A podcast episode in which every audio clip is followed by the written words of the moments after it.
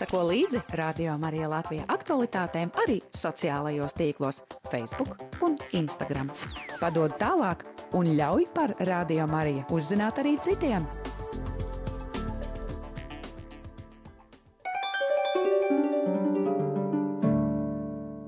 Stop!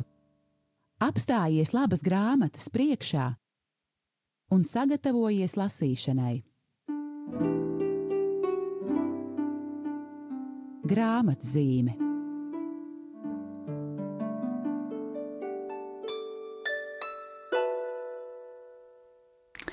Esiet sveicināti, mīļie klausītāji! Ir eh, kārtējā trešdiena un laiks raidījumam grāmatzīme. Mans vārds ir Aija Balode, es esmu no izdevniecības Kala raksti no Mieram tuvu izdevniecības. Un eh, man liels prieks, ka šodien mana sarunas biedre eh, raidījumā ir māsa Inese Lietuviete. Eh, sveicināta Inese! Sirsnīgs sveiciens visiem savu, klausītājiem! Un savukārt jūs klausītāji, es apsveicu, ka jau atkal jūs var, jums būs iespēja dzirdēt šo mierīgo, patīkamo balsi, jo māsa Inese ir šodien atgriezusies studijā. Liels paldies tev par to, bet šīs sarunas mērķis un, un saturs būs tātad, kā jau raidījumam grāmatzīmē, piedienas par grāmatu. Uh, jā, uh, mūsu izdevniecībā pa dažādiem ceļiem nonāk tās grāmatas, kuras mēs izdodam, un šī grāmata ar nosaukumu Dvēseļu arhitekts uh, kā reizi pie mums nonāca ar māsas Ineses un viņas kopienas svētību un, un tādu ierosmi. Un varbūt tad arī sāksim ar pašu sākumu. Es zinu, kā mūsu e, izdevniecībā ienāca šī ierosme, kā jau es sacīju klausītājiem, e, caur tevi, un liels paldies tev par to, bet e, kā jūsu kopienā radās doma, ka ir beidzot jāizdod grāmata jūsu tātad svētīgajam aizbildim, jūsu kongregācijas tēvam, svētīgajam honorātam Kozmiņskim? Svētīgais tēvs Honorāts Kozmiņskis ir kapucīnu tēvs, kurš uh, savas dzīves laikā ir dibinājis 27 uh, eh, māsu un arī brāļu kongregācijas. Un tā nu ir, uh, tā nu Dievs ir devis, ka Latvijā kalpo četras no šīm kongregācijām, un, protams, arī tēva honorāta līdzbrāļi, tēvi kapucīni. Uh, un šī māsu un brāļu klātbūtne Latvijā jau ir vairāk kā simts gadus, bet tā nu ir sanācis, ka latviešu valodā nebija neviena grāmata par šo dibinātāju. Viņa dzīve, man šķiet, ir kaut kādā veidā arī, nu, viņa, viņa izvēle bija palikt ēnā, un kaut kā tas viņam izdevās diezgan ilgi. un um, pavisam nesen, um, 2016. gadā, mēs um, atzīmējām tēva honorāta uh, simt gadi kopš viņa aiziešanas mūžībā. Un tas arī deva daudz dažādus impulsus un, un arī lielu, lielas ilgas, lai kāda grāmata, kāds tāds piemiņas dokuments paliek. Uh, un māsa Otīlija, uh, mm, viņa savulaik ir rakstījusi pētniecisku darbu par tēvu honorātu, un līdz ar to šīs grāmatas galvenais saturs ir tieši viņas darbs, viņas tulkotie tēva honorāta teksti. Uh, kā arī mm, ļoti interesanti, kas ir mm, tāds pilnīgi oriģināls pienesums, ir mm, māsu kongregāciju vēsture, vēsture Latvijā kā šīs kongregācijas ir attīstījušās jau simts gadu laikā Latvijā. Jā, nonāksim sarunas gaitā arī pie šīm kongregācijām, un tu jau māsa minēji māsu Otīliju, varbūt tad jau uzreiz sarunas sākumā, varbūt tiešām ir tas brīdis pateikt tad visu to komandu, kas tad, kas ir tie cilvēki, kas ir strādājuši pie šīs grāmatas, un kam būtu mums jāteic paldies, ka šāda grāmata tagad ir iznākusi. Vislielākais, vislielākā pateicība, protams, ir māsai Otīlijai Kavaļevskai, kas, eh, zināmā mērā, arī ir vēlēsies palikt eh, nedaudz ēnā. viņa norādīs, ka viņa ir šīs eh, svētīgā tēva honorēta teksta tulkotāja no poļu valodas, bet būtībā viņa ir galvenais autors.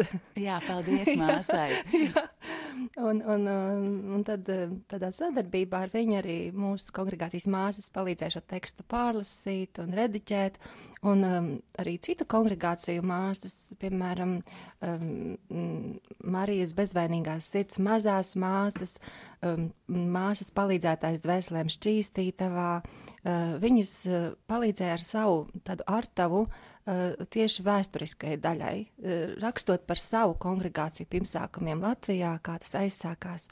Un līdz ar to ir, ir vairāki tādi mazi līdzautori šim darbam. Uh, Un, uh, un, un um, tas, ka šī grāmata varēja izdot, mēs varējām viņu izdot, tas bija arī pateicoties Latvijas konsekrētās dzīves mm, apvienības atbalstam.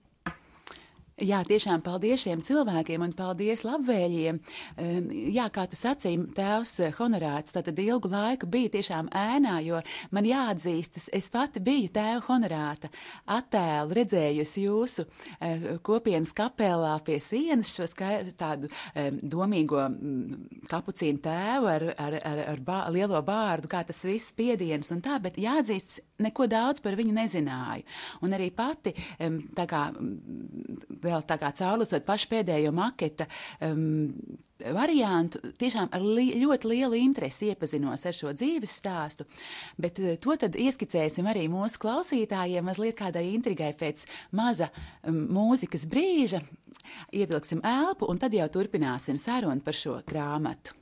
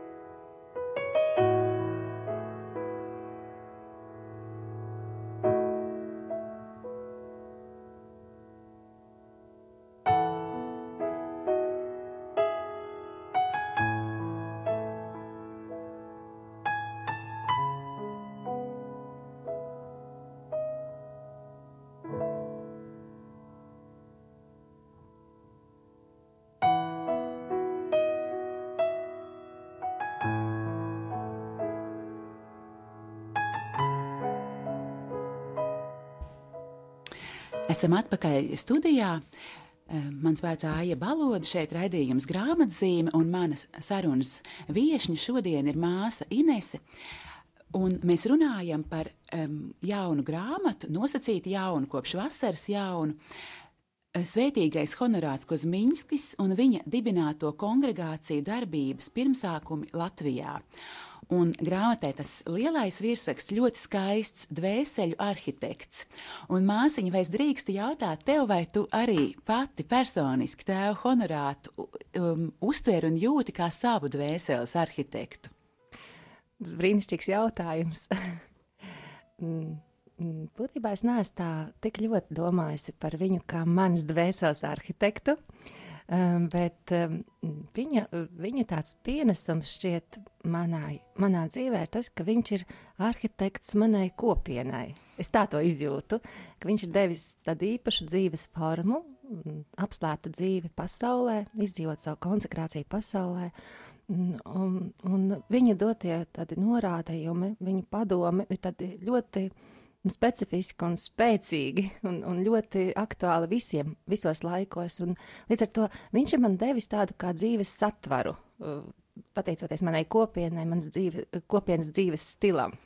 Aha, paldies. Jā. Jā, bet varbūt vēl apstājoties, vienkārši es domāju, ka klausītājiem arī būs interesu, interesanti uzzināt, ka e, tēvs Honorāts e, bija ne tikai dvēseļu arhitekts, kas gan ir, protams, ļoti daudz, jo to ne tuvu visi spēja, visi garīgie tēvi, e, bet viņš bija arī e, praktiski arhitekts, vispār ļoti spējīgs cilvēks, vai ne?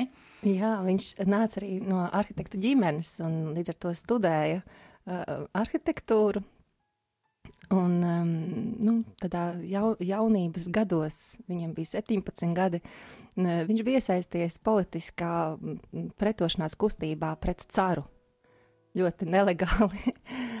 Tad revolucionāra kustība Polijā, tas notika 1800, ja nemaldos, 50. gadi. Kaut, nu, 19. gadsimta vidus, vidus, jā. jā, tad cara, polijas atcelšanās pret cara šo režīmu, impēriju. Un kā jauns puisis, viņš, protams, dedzīgi bija iesaisties tajā politiskajā pretestības kustībā. Un šajā laikā viņš arī bija īstenībā pazaudējis ticību, ko iznes no mājām. Un varbūt arī tas bija tas iekšējā tāda karīgā cīņa vai neapmierinātība ar, ar sevi, ar, ar kaut kādiem ārējiem apstākļiem, kas viņam kā, vēl vairāk deva enerģiju iesaistīties šajā mm, pretošanās kustībā, bet tas diezgan ātri beidzās, jo viņu apcietināja un ielika cietumā. Nu, un... Jā, un, un, un tad tas sākās viņa tas atgriešanās ceļš. Un um, vēlāk jau, protams, arī Dievs viņu vada tālāk līdz uh, kapucīnu klosterim. Un, un tur tieši jau pēc vairākiem gadiem mm, viņš uh, atpazīst tādu Jēzus balsi sevī. Uh, viņš uh, dzird uh, it kā vārdus, kā Jēzus ir teicis apstuļiem, sekojiet man, es jūs darīšu par cilvēku zvejniekiem. Tā viņš dzird, ka Jēzus viņam saka, seko man, es tevi darīšu par dvēseļu arhitektu. Ļoti skaisti. Jā, un, un tas ir arī tāds nu, norādījums šim lielajam darbam, dvēseļu kopšanā, arī šo jauno kopienu veidošanā. Viņš dod mājokļus dvēselēm vai nu, sagatavo tādu veidu, kā dzīvot, jēzum veltītu dzīvi pasaulē. Jā, Paldies, ka, ka tu pieminēji šo faktu. Jā, ka tiešām bija brīdis, kad tēvs Honorāts, kurš, protams, toreiz vēl nebija ne tuvu tēvs, ja patiesi bija pat attālinājies no, no ticības un pat diezgan tā kareivīgi arī to apliecināja. Bet interesanti, ka man pašai šis fakts pat uh, kaut kādā ziņā šo tēvu Honorātu darīt. Nu, pat tuvāku, ja, nu, tā, tā kā saprotamāku. Jo nereti varbūt ir tā, ka ja, nu, tā kā pavisam tāds eh, nu, cilvēks, kurš nāk no um, svētas ģimenes, uh, kā pa diedziņu tā svēti nodzīvo, mēs varam teikt, o, oh, nu, paldies Dievam, bet kāds tam sakars ar mani vai ne? Nu, tādā ziņā, ka tas reizēm ir ļoti iedrošinoši tieši tie svēto cilvēku, varbūt pat tādi krīzes brīži, ā, viņš to pārvarēja, un lūk, kāds kolosāls iznākums, ja, tad varbūt, jā, tas vismaz man personīgi tas bija tā ļoti iedrošinoši iedrošinoši. Lūk, bet varbūt atgriezīsimies pie arhitektūras, un varbūt tad mēs varam arī ieskicēt mazliet šīs grāmatiņas arhitektūru, jo es gribēju tā eh, tiešām tādu komplimentu arī gan tev, gan pārējām māsām pateikt. Mm, tad, kad jūnijā grāmatiņa iznāca, tad tā, es vienkārši par viņu priecājos, kā, nu, paldies Dievam, būs tāda vēl viena lapuse um, Latvijas um, baznīcas vēsturē arī aizpildīta grāmata latviešu valodā par šo tēvu. Bet uh, vakar, mazliet gatavojoties raidījumam, es grāmatiņu pacēlu un pāršķirstīju vēlreiz. Un kaut kā ar tādu nelielu laika distanci viņi man vēl jau bagātīgāk atklājās. Patiesi, um, klausītājs, ceru, ka jūs jau kaut kur kādā grāmatu galdā vai veikala plauktiņā esat redzējuši. Varbūt tā jau stāv jums um, mājās grāmatu plauktā. Proti, neliela formāta grāmata. Um, ieturēta kapucīniem raksturīgajā brūnajā tonī ar šo tēvu honorātu domīgu kapucīnu uz vāka. Uh, jā, neliela, bet saturiski patiešām ļoti bagāta. Un proti, ko tad mēs varam atrast šajā grāmatiņā? Pirmajā nodaļā ir tēva honorāta dzīves gājums. Un te patiesi ir ļoti interesanti izsekot līdzi gan šai gan bērnībai, gan arī šai ticības krīzei, kā notiek atgriešanās un, un um, kāda ir viņa spēka gadi, kā viņš strādā, un arī um, pēdējo um, dzīves gadu pārbaudījumi. Um, tad otrā nodaļa, kas, uh, kuras virsraksts ir gribu kļūt svēts par viņa tādu um, svētuma ceļu, Un tad par eh, trešā nodaļa tēva honorāta dibināto kongregāciju pirmsākumu Latvijā. Tātad par šīm kongregācijām, kas joprojām arī Latvijā darbojas, un tātad proti, kāda tad ir tēva honorāta um, darbam augļi pie mums pašiem. Un visbeidzot, eh, grāmatiņas izskaņā pēdējā daļā eh, var lasīt paša tēva honorāta Kozminska um, atstāto tādu garīgo mantojumu, viņa tekstus.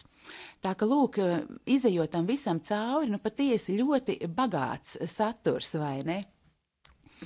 Um, varbūt, jā, nu, tā tīri apstājoties pie katras no šīm nodaļām, varbūt, nu, kas, ir, kas varbūt būtu tas, ko, ko tu pirmos šķirtu vaļā un lasītu, vai kas ir tev īpaši, kas tieks, nu, paldies Dievam, ka šī nodaļa, nu, tas ir tiešām kaut kas ļoti būtisks.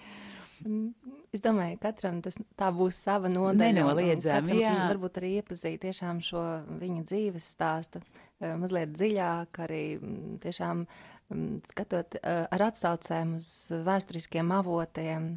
Ja māsa Otīlītam ir pievērsusi tiešām rūpīgu uzmanību, lai sasaistītu mm, tēva honorāta dzīves faktus ar tā laika vēsturiskiem notikumiem baznīcā un, un, un pasaulē. Uh, man personīgi ļoti liels atklājums ir eh, tā nodaļa par māsu mm, kongregāciju attīstību Latvijā, jo tas tiešām ir mm, vairāk kā simts gadi šo apslēpto māsu klātbūtnes, kas noteikti ir atstājis ietekmi uz baznīcu gan Latgalē, gan Rīgā, gan arī Liepājas diecēzē.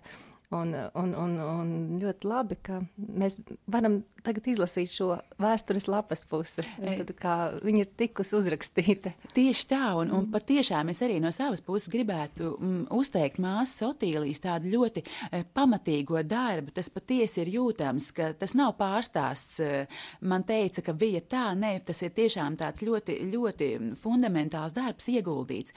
Un, un tiešām ceru, ka lasītāji arī tam izies cauri un iepazīsies, bet varbūt tīri tā ieskicēt, kuras tad ir šīs kongregācijas, kas joprojām Latvijā darbojas pateicoties tēva honorāta sētajai sēklai. Ja nemaldos, vissenākā Latvijā ir visvētākās Jēzus sirds kalpoņu Marijas sūtņu kongregācija, vai šobrīd viņa ir sekulāra institūts. Eh, mazliet viņa tā kā atgriezusies pie tās pirmotnējās harizmas, ka māsas vispār nav zināmas kā māsas. Eh, bet Rīgā un noteikti arī citās, nu, Reizeknē un, un Krāslavā daudz pazīstamākas ir Marijas bezvainīgās sirds mazo māsu kongregācija. Mm -hmm. Viņas arī mm, šobrīd bieži vien daudz valodā sauc par māsām honorātēm. un, un, un viņas, var teikt, noteikti ir viena no nu, tādām skaitliskākajām mm, mm, apslēpto māsu kongregācijām Latvijā. Uh, un, un viņa ir bijusi šeit uh, Latvijā jau kopš pašiem pirmsākumiem un uh, nav pārtraukusi savu darbību pat uh, Pirmā vai Otrā pasaules kara laikā, kas arī ir tāds ievērojams fakts, ka tad, kad daudzas citas kongregācijas tika nu, kaut kādā veidā varbūt izstumtas no Latvijas cara ietekmē vai pēc tam cieta kara laikā un viņām bija jābēg, tad tomēr šīs apslēptās māsas varēja, pateicoties šai dzīves formai, kaut kā nu, katakumbās, bet tomēr būt. Ja? Tā kā īpaši, es domāju, viņu, viņu stāsts ir ļoti mm, tāds īpašs un, un, un vērtīgs izlasīšanai. Tāpat arī mēs uzzinām par mm, eh, daudzus interesantus faktus par mm, palīdzētājām dvēselēm šķīstītavā. Ir tādas māsas, kas lūdzas īpaši par dvēselēm, eh, kas ir šķīstītavā. Un viņām ir nu, daudz dažādu tādu interesantu faktu par, par to viņu klātbūtni Krāslavā, ko es nemaz nezināju, ja godīgi, mm -hmm. kā, kā notika šī attīstība 19. gadsimta beigās. Un tad ceturtā kongregācija, tās esam mēs, bezvainīgās. tā pazemīgi atstāja.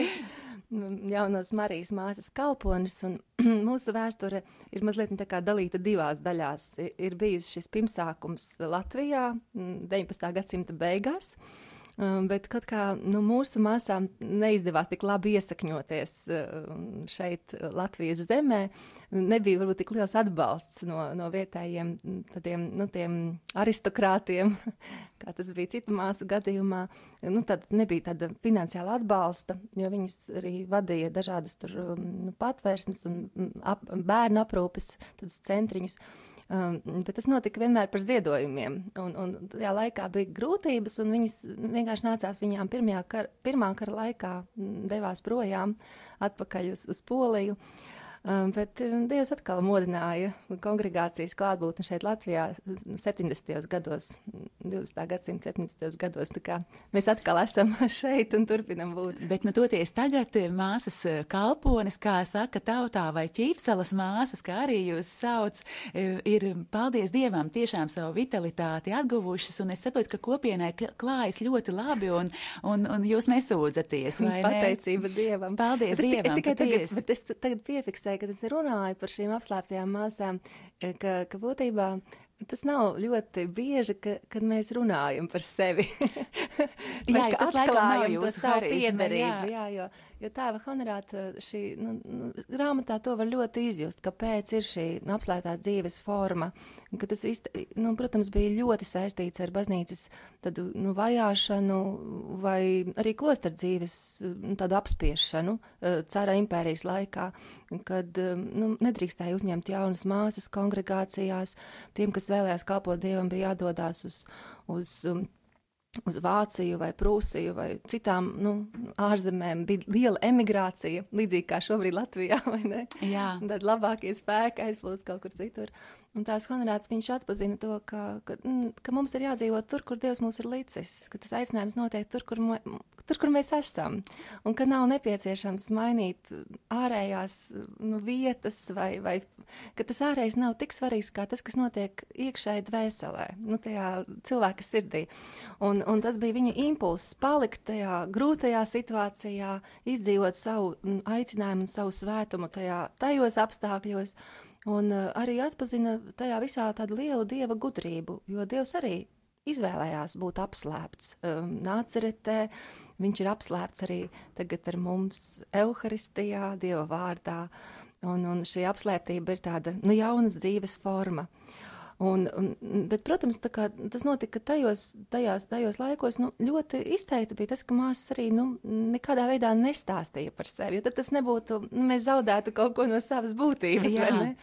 Un, un arī padomju laikos, nu, tas bija ļoti izteikti Latvijā, ka klostra dzīve bija nu, pazemē, katakombās, mm -hmm. Un, un, un, varēja uzskatīt, ka, ka jā, ka padomju savienībā ir likvidēti visi klosteri. Nu, nebija tā. Bet tā nebūtu, Viņi nebija. bija kaut kur ļoti dziļi zemes neredzami, dzīvē. Ne, ne, neredzami, un, un es, es tiešām Tikai nesen tā īsti aptvēru, ka šī tēva honorāta harizma, šī ģeniālā ideja, viņa palīdzēja baznīcai ne tikai tajos cara laikos, bet arī komunisma laikos. Viņi sagatavoja šo Austrum Eiropas reģionu vai Austrum Eiropas baznīcu nu, tam, kas viņa gaida. Un varbūt Tieši kaut tā. kas vēl mūs gaida tālāk. Tā kā, nu, noteikti tēva honorāta, nu, šis viņa nu, harizma, dieva dāvana, kas dota viņam, ir, ir šiem laikiem. Jā, tad, proti, varbūt eh, klausītājiem, kas mazāk zina par šīm apslēptajām kongregācijām, vai tad mēs varam tā kā nopaļot to domu, ka, proti, jo man ir, bij, ir bijis tā, ka cilvēki man prasa, nu, pagaidi, bet eh, kā dievam veltīts klostermāsas un tā, bet kāpēc, lūk, vienām ir tādi šie te tērpi un tas uzreiz ir redzams, un, Bet, lūk, tās māsas vispār nevar redzēt, ka viņas dievam veltītas. Lūk, jā, un tas arī tas skaistums, ka, lūk, ir tik dažādas arī šīs kongregācijas, jo, proti, šodien it kā nekas neliektu um, ārēju, ar ārēju zīmi jau paust um, piederību dievam. Bet no otras puses, um, atkal varbūt kādam tas ir kāds aizspriedums, ja, vai nu, varbūt tas uzreiz nu, tiešām strādāt, varbūt darba kolektīvā, ja kur citi nav kristieši, ja, vai tas kaut kādu robežu varbūt uzliek starp cilvēkiem. Ja, un tādā veidā savukārt māsas, kurām nav šīs ārējās zīmes, nu, jūs droši vien iekļūstat un piekļūstat tiem cilvēkiem un tajās vietās, kas uh, varbūt citādi nebūtu iespējams, vai ne? Tieši tā. Un būtībā ir, vienā, ir viens tāds tēva honorāta atstāta vēstule, kur viņš raksta, pat ja laiki mainīsies, jūs habitus nevilksiet. Jā, jo tā ir mūs, jūsu, mūsu tāda tā jūsu testaments. Jā. Līdz ar to, ja kādam rodās kārdinājums, ka varbūt ir nu, jau pienācis laiks, ka mēs varētu kaut kā savādāk dzīvot, tad tomēr šie vārdi atgādina mūsu to, nu, tā kā to identitāti. Un tas, kā tu teici, tas patiešām ir iespēja būt daudz kur citur, kur ne, mēs nevarētu būt, ja mums būtu šīs ārējās zīmes. Mm. Un, un, un to, to saskars mūsu māsas Francijā vai, vai citās sekulārās valstīs, kur, kur patiešām ir ļoti liels ierobežojums. Ja kur tas pat reliģis... būtu aizliegts, jā, vai ne? Jā, jā, un mēs, nu, piemēram, strādājot uh, slimnīcās vai, vai, vai skolās, tas, tas nebūtu iespējams daudz. Viet, jā, un... par to vispār domāt mm -hmm, īstenībā mm -hmm. pat ir kaut kur biedējoši, ja, kas mhm, šķiet ārprāts, vai tad tiešām mēs atkal ejam tādā virzienā, kur, kur tiešām šī kristīgā zīme, ja, ārējā pat ir aizliegta. Nu, tiešām lūksim Dievu, lai Latvijā mēs to nekad nepiedzīvotu. Labi, bet tagad atkal ieklausīsimies nelielā mūzikas brīdī, un tad turpināsim sarunu.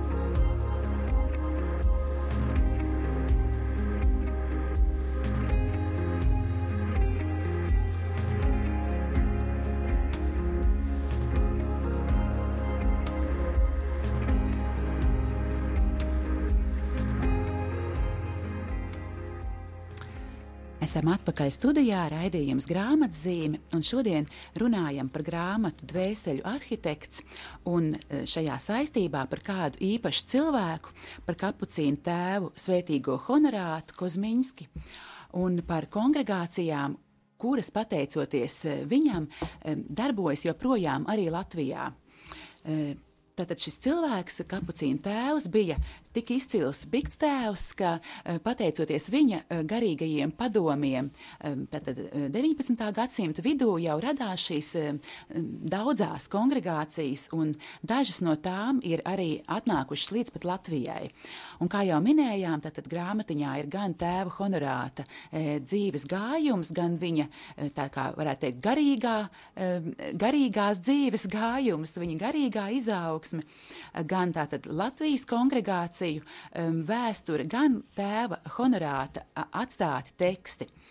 Um, un tāda viena tāda doma, kas man, uh, ko man arī tā kā gribētos uh, uzsvērt, um, šajā otrajā daļā par viņa garīgo dzīvi. Um, tā sākas tieši ar to, ka um, tēvs Honorāts kādā datumā ir savā, vē, savā dienas grāmatā uzrakstījis: Es gribu būt svēts.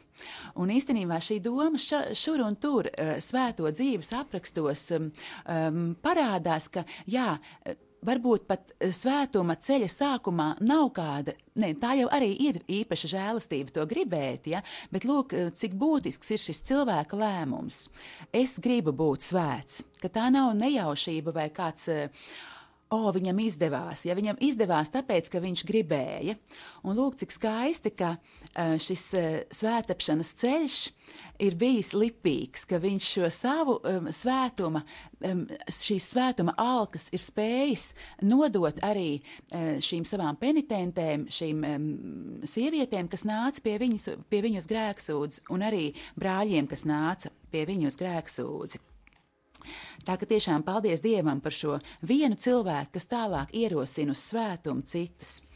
Bet varbūt lai arī uh, klausītāji varētu ieklausīties uh, tēva honorāta balsī, nu varbūt mēs arī varam kaut ko atvērt no pēdējās, uh, pēdējās nodaļas, kur tad ir, kā jau sacījām, tādi um, citāti vai no tēva honorāta vēstulēm, vai no viņa dienas grāmatas, vai no, proti, viņa garīgiem padomiem. Un te viena tāda sadaļiņa gluži e, tāda konkrēta. Un tēvs daudz runā par ticību, cik tā ir svarīga, cik svarīgi pie ticības e, turēties. Un lūk, viņš tad konkrēti sauc līdzekļi ticības iesakņošanai. Un ko tad viņš mums iesaka? Ikdienas pateikties Dievam par aicinājumu uz katolisko ticību un lūgt, lai viņš šajā ticībā uzturētu līdz pat nāvei. Jo ticība ir Dieva dāvana, Mūsu attaisnošanas un pestīšanas sākums bez ticības ir grūti patikt dievam. Otrakārt, ikdienas noskaitīt ticības apliecinājumu, pievēršot uzmanību tā saturam un uzmodinot ticību tajā ietvertajiem noslēpumiem, kā arī visam, kam liek ticēt baznīca. Treškārt, bieži uzmodināt sevī vēlēšanos labāk mirt, visu izciest un visu zaudēt, nekā atkāpties no katoliskās ticības vai to noliegt. Jo, kas mani aizliegs cilvēku priekšā, to es arī dzen aizliekšu savu tēvu priekšā, kas ir debesīs. Ceturtkārt, bieži apcerēt savu vājumu, nezināšanu, savu prāta un spriedumu maldīgumu, it sevišķi, ja kāds kādreiz ir vīlies, paļaujoties uz savu viedokli. Gluži otrādi savas domas un spriedumus saskaņot ar Kristus ticības principiem un uzticēties tam, ko ir atklājis Dievs, kurš pats nemaldās un mūs nevar maldināt. Turklāt to darīt dievbijīgā sirds noskaņā, tas ir Dieva mīlestības dēļ un ar bērna paļāvību un godbijību pret viņa visvarenību, gudrību un labestību. Piekārt, meditēt par to, ka Dievs ir bezgalīgi pilnīga būtne, bet mūsu prāts un grība ir ļoti ierobežoti.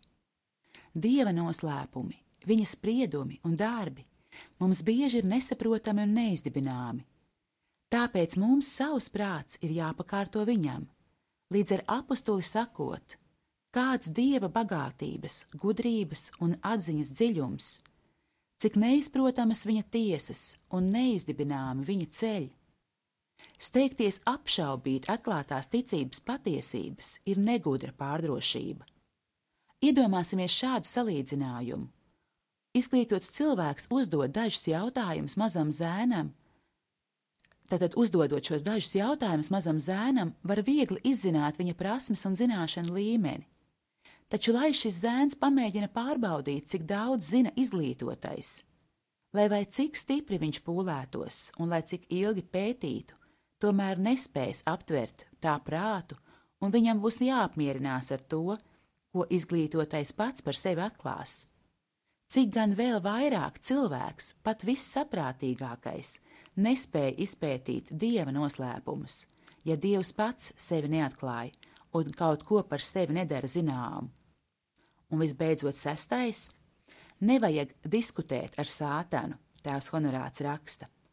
Viņš mēģina izraisīt šaubas ticības jautājumos, bet vienkārši jātic tam, kam tic svētā katoliskā baznīca. Ar dieva žēlastības palīdzību jāvēlas saskaņā ar šo ticību dzīvot un par to mirt. Protams, vajag, un tātad, protams, var un vajag izmantot prātu, lai izpētītu iemeslus, kāpēc jātic, taču līdz galam izprast ticības noslēpumus prāts nespēja.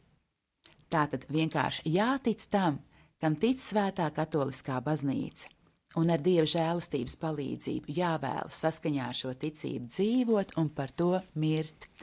Lūk, skaidri un gaiši, un reizē arī ļoti, tad, tad gan vienkārši, gan arī ļoti iedrošinoši tēvs honorāts raksta toreiz, un um, kaut kādā ziņā um, šie vārdi tiešām ar to savu vienkāršību un skaidrību ir ļoti uzrunājoši arī šodien, vai ne? Es klausoties tos vārdus tieši par to domāju, ka tas, kas tiešām dod spēku viņa teikumiem, kas nereti ir tādi gari, vai varbūt tādi mm, pagrūti lasāmi. Viņa, viņa, viņa garīgā dienas grāmata nav viegla literatūra, bet tur neizsakām atspoguļojas, ka katrā teikumā uh, ir viņš pats, viņš to dzīvo. Tas nav vārdi. Uh, tā garīgā dienas grāmata, arī no, no kurienes daudz citāti ir ņemti, šai mazajai grāmatiņai, viņa atspoguļo viņa lielo darbu, savas dvēseles kopšanā. Tas bija viņa nu, pirmais uzdevums, ar ko viņš nodarbojās tieši nu, teikt, tās otrās atgriešanās laikā. Jo tēva Honrāta dzīve ir tas, tas pirmā atgriešanās cietumā, un otrā atgriešanās notika jau pēc vairākiem gadiem klosterī. Piedzīvoja tādas īpaši smagus apstākļus, par ko ir stāstā vairāk kārt minēts. Tas ir minēts. Un grāmatā, tad viņš piedzīvoja to, to, to, tos ārēji grūtos apstākļus, piedzīvo tad iespēju atgriezties, ka Dievs viņu aicina, ka Dievs aicina viņu strādāt pie savas dvēseles, un tad viņš sāk rakstīt die, garīgo dienas grāmatu, un, un tur ir daudzas šīs šīs viņa nu, centieni, viņa ilgas būt svētam, šī, šis viņa ticības ceļš. Tas atklājas tur nu, tik spēcīgi, ka, ka man, man reizēm pašai ir kauns par sevi. Ja? ka, ka, nu, vai es tam veltos tādā mērā, kā viņš to, to, to veltījās savā dzīvē. Un tas noteikti deva spēku viņa vārdiem. Jo pat, ja mums viņa, tie, viņa teksta vai citādi reizēm liekas tādi sausi vai gari vai, vai grūti, viņš nebija literārs, nu tāds noteikti nebija viņam tāds milzīgs literāta nu, ķēriens vai tāda viegla spalva. Jā. Kaut gan viņš daudz rakstīja, bet viņam nebija viegla, viegla šī valoda. Bet es varu iztēloties, cik ļoti šie vārdi skāra viņa garīgos bērnus grēksūdzē. Jo pie tēva Honrāta tā bikts, krēsla bija rindas, un, un tur pat ir vesela nostāsta, kā tur bija viena māsa deleģēta, kas pierakstīja eh, penitentus rindā. bija kaut kāds kalendārs. Lai nav negodīgi. Nu, jā, un jo tur bija tā, ka viņi, viņi, viņi devās pie viņa no, no pat no Pēterburgas, tur, mm. tur nu, nu neiedomājami attālumi tajā laikā, tur ar, ar kuģi pa vislu. uz zakručimu peldēja, un, un tad vēlāk tie vilcieni parādījās, un, un viņi tiešām mēroja lielus ceļu attālumus, lai nokļūtu pie tēva honorāta, un tad, protams, nu, vajadzēja gaidīt rindā, un tad kurā dienā, kurā stundā, un, un tas viss notika, un, kā, un, un arī grēksūdzes bija nu, tāds nopietnas, jo eh, tās honorāts viņš, um, viņam bija šī dāvana, nu, skatīt sirdis, nu, līdzīgi kā. Ne? Jā. Un, un nereti viņš, viņš atstāja to penitentu, ja viņš jūta, ka tas cilvēks nav gatavs tiešām nožēlot un, un uh, atkāpties no tā sava nu, ļaunā ceļa vai, vai sākt šo atgriešanās ceļu, tad viņš to neatstāja tik ļoti viegli. Viņš atstājis penitentu bigts krēslā un devies uz savu celi, kur lūdzās un, un arī nu, tādas mm, šaustīja sevi. Nu, tajā laikā tāds, tāds gandrīšanas veids, nu, īpašā veidā lūdzās par to grēcinieku, un tad atgriezās atpakaļ un nereti jau tas nabaga grēcinieks jau bija asarās. un bija jau mainījis savas domas. Tad, sakot, es, es varu iztēloties, nu, kā, kā viņam nu, šī personiski izdzīvotā ticība, par ko tu lasīji ja, šajos nu, viņa padomos. E, tas, tas, kā viņš to izdzīvoja personīgi, šo, šo kontaktu ar, ar Jēzu, šīs attiecības, šo nu, tādu arī iekšējo ceļu, kā tas mainīja cilvēkus apkārt. Jā, mm. vai tu arī vēlējies kaut ko nolasīt? Jā, tad Jā. lūdzu. Es e, iesāku par šo svētumu, par šo tēva honorāta izvēli būt svētam par katru cenu. Un viņš eh, šeit raksta vēstuli visu svēto dienā kādai māsu kongregācijai. Tā ir tā, tā vēstule. Um, viņa ir diezgan gara, bet es nolasīšu tikai pašas noslēgumu, uh, ko viņš mums novēl katram. Uh, tās Honrāts raksta. Mūsu dzīve ir kā ceļojums nakts tumsā pa sabangotiem okeāna viļņiem. Mēs varam iztēloties, vai ne? Un tad viņš raksta: Ticība ir bāka, kas rāda ceļu uz mūžīgās svētlaimes ostu. Uzticība pienākumiem ir kuģis, kas mūs sargā no bangām, tas ir pasaules ietekmēm. Cerība un paļāvība uz Dievu ir ēnkurs, kas mūs glāb no nogrimšanas. Mīlestība ir vējš, kas piepūš buras un ved uz debesīm. Tur būsim laimīgi.